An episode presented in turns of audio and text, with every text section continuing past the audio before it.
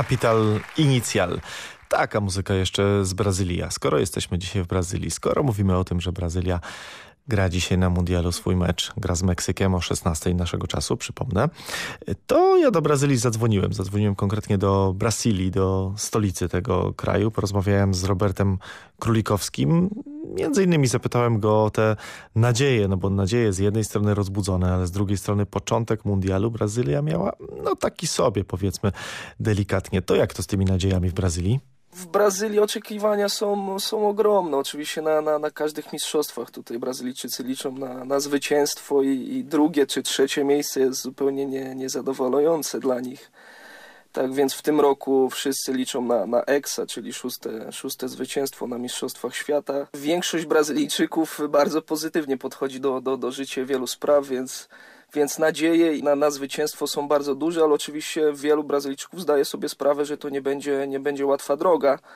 I teraz po, po odpadnięciu Niemców e, z Mistrzostw Świata oczywiście spadł kamień z serca, bo obawiali się tego starcia z Niemcami, chociaż niektórzy liczyli na, na, na rewanż za, za, za te 7-1 na mistrzostwach w 2014 roku. Tak więc no nie, niektórzy na pewno zdają sobie sprawę, że nie będzie łatwo, chociaż w większości, w większości społeczeństwa jest na, nadzieja, że w tym roku to będzie już szóste zwycięstwo na, na Mistrzostwach Świata. Oj, cieszyli się Brazylijczycy, gdy Niemcy odpadli.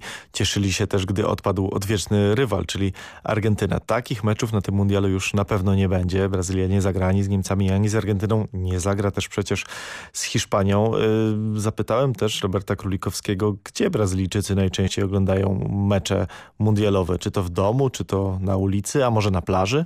Tak naprawdę różnie, różnie. E, wielu, wielu ludzi jednak wychodzi na ulicę, ogląda, ogląda mecze w barach, e, na dużych telebimach, w strefach, w strefach e, kibica, ale wielu Brazylijczyków, wielu Brazylijczyków również wybiera tą opcję bardziej rodzinną. Spotykają się naprawdę w ogromnych ilościach, od, od najmłodszych do najstarszych, spotykają się w gronie rodzinnym, w gronie znajomych i oglądają mecze w domach. Oczywiście nie może zabraknąć dobrego jedzenia, dobrego picia, bo to jest podstawa w, na brazylijskich im, imprezach.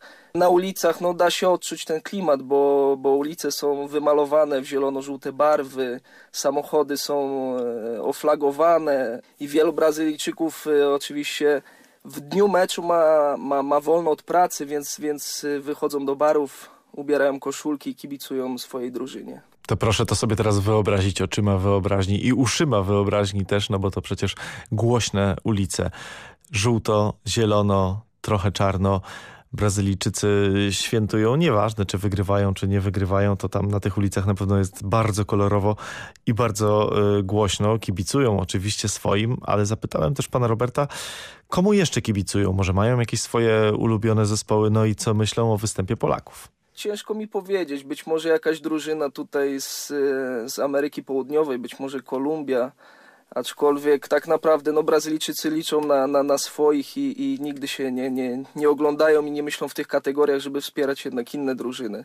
W tym roku tak naprawdę Neymar jest, jest powszechnie krytykowany za ten styl, który prezentuje w meczach, za symulowanie fauli, za, za dyskusje z sędziami.